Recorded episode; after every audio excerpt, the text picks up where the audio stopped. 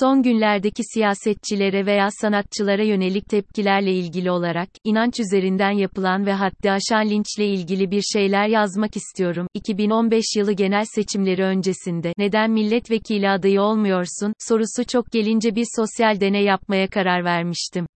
Yeğenime bir görsel hazırlatmış ve sosyal medya hesabımdan paylaşmıştım. Görseldeki sözde adaylığım, çevremdekilerin aday olmamı beklediği siyasi partiden değil aksine hiç beklemedikleri parti olan HDP'dendi. Bir iki gün sonra da adaylık gibi bir şeyin söz konusu olmadığını, bunun bir sosyal deney olduğunu açıklamıştım. Bu sosyal deneyin bana öğrettiği çok şey oldu. O günden sonra bir sosyal olayda aşırı tepki gösterenleri masum ve art niyetli olarak ikiye ayırıyorum. Ve yine bu olay sonucu, yaşadığımızı sandığımız Müslümanlığın, İslam'la zerre kadar ilgisi olmayan düşünce ve tavır içinde olduğuna kanaat getirdim. Peygamber hayatında beni derinden etkileyen, örnek aldığım ve hayatımda uygulamaya çalıştığım en önemli şey, güvenilir insan olmaktır. Malumunuz, peygamberimize 40 yaşında görev verildi.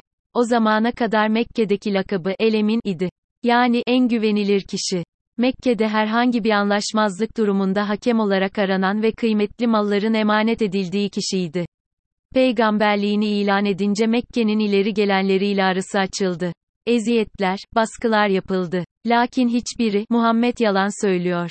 Demedi, İslam tarihine azılı din düşmanları olarak geçen o insanlar, Muhammed'in getirdiği dini kabul etmediler ama bir gün dahi elemin olduğuna inandıkları kişinin şahsına söz etmediler.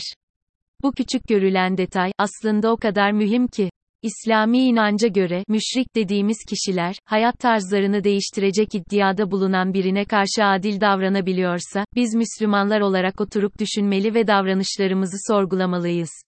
Sezen Aksu'ya karşı, yıllar önce yazmış olduğu şarkı sözleri, ki şahsen sözleri tasvip etmediğimi belirtmek istiyorum, üzerinden haddi aşan tepkiler normal değil.